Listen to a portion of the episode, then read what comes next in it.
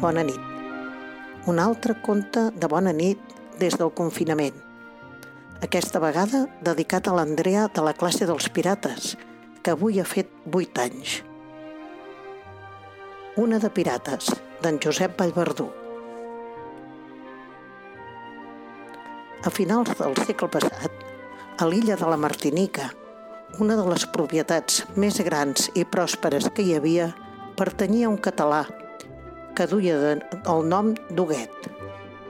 El senyor Huguet va explicar una tarda, tot passejant sota la arbereda sumptuosa de verds foscos que hi havia davant de la seva casa colonial, com li havia pervingut tan gran fortuna. Amic meu, va dir tot prenent del braç al meu besavi, que era el seu interlocutor. Tot això ho he aconseguit honradament, però els meus començaments foren d'allò més perillosament aventurers. I com fos que el meu besavi li pregava que li ho expliqués, l'altre ho feu de bona gana. Jo era un trist mariner a temporades i havia viatjat bastant pel mar del nord. Coneixia els ports alemanys, holandesos i anglesos. Una vegada, sense un clau i sense cap futur, em trobava a Liverpool i en una posada de mala mort vaig entrar en una partida de cartes amb tres tipus més, tan descamisats com jo. Un dels individus ens va proposar d'embarcar en un vaixell que anava a les Antilles. Ens va dir que en un caio o petit illot prop de Cuba hi havia un tresor enterrat. Es tractava d'anar-lo a cercar com a les novel·les, va estendre un mapa dibuixat de qualsevol manera amb les indicacions precises per trobar el tresor. Segons que deia, dins d'una cova. L'ambició i l'aventura em van encegar i amb un altre dels xicots que jugàvem vam dir que sí al del mapa. Era un desconegut i només sabíem que embarcaríem en una fregata cap a les Antilles. No tingueu por, ens va dir, el cas és desembarcar en algun port de Cuba o Puerto Rico. Després, amb qualsevol llagut, ens arribarem fins al Caio. Aquella mateixa nit ens embarcàvem. El capità de la fregata anava molt guarnit, amb molt de galó, però tenia una cara cadavèrica i uns ulls com dues agulles de glaç. Salpàrem a la matinada, i a les dues hores de navegació ja m'havia donat de la fila de tota la tripulació i de l'aire misteriós que planava damunt del vaixell. La fregata no era mala embarcació i a bord hi havia mitja dotzena de bons mariners. La resta eren tots tipus patibularis. Jo era decidit i no tenia por de res ni de ningú, però juro que dormia amb un ull obert.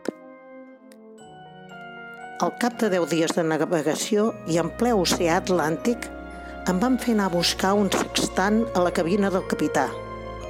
I allí vaig trobar una cosa que em feu posar els cabells de punta.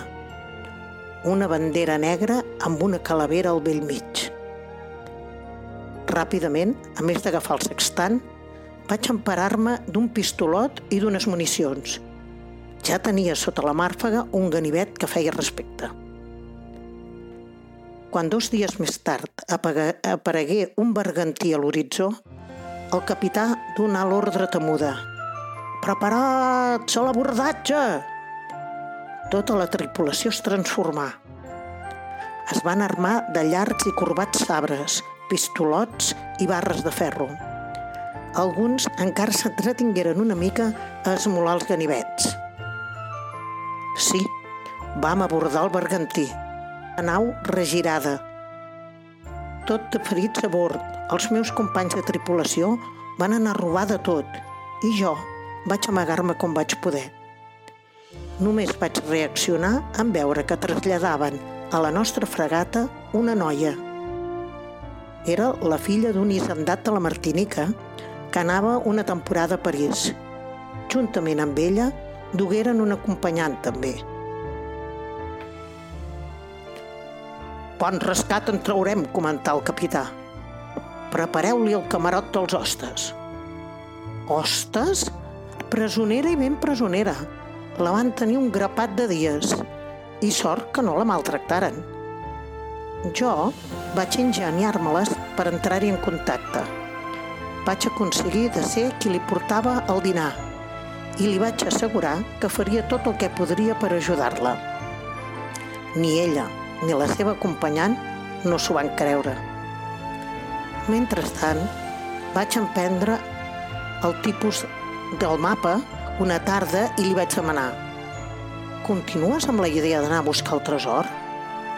Va clavar-se a riure. «Quin color més t'has fet!» exclamà. «De tresor res. És un truc que tenim amb el capità per reclutar mariners. La majoria dels que atrapem per aquest procediment arriben a ser tan pirates com nosaltres.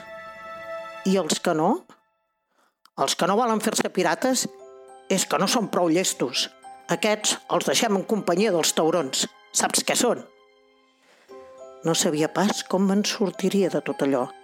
M'hi jugava el coll. Però quan vam arribar en un port de la Martinica, on havíem de carregar unes botes de licor, perquè el vaixell dissimulava amb el transport de mercaderies, vaig donar instruccions a les dues dones. Aquí teniu aquesta pistola, els vaig dir. Ara comprendreu que us vull ajudar de debò. Si algú vol entrar, dispareu. No van gosar. Jo era l'altre cap del vaixell quan vaig sentir els seus crits desaforats. El capità havia entrat al camarot per assegurar-se que estarien quietes i elles es van posar a gesclar a duo. El veritable perill era que el capità les desarmés i les acoltellés. No sé què em passà pel cap. Tot d'una, vaig garfir una, una torxa i vaig encendre un carretell de pólvora. L'incendi de la fregata fou general en molt poca estona. Tothom corria d'aquí cap allà. El capità donava ordres. Un tipus malcarat a la tripulació lligaven i amordassaven les dues dones per tal que no donessin l'alarma. I jo vaig limitar-me, amb tota la calma, a guisar la bandera dels pirates.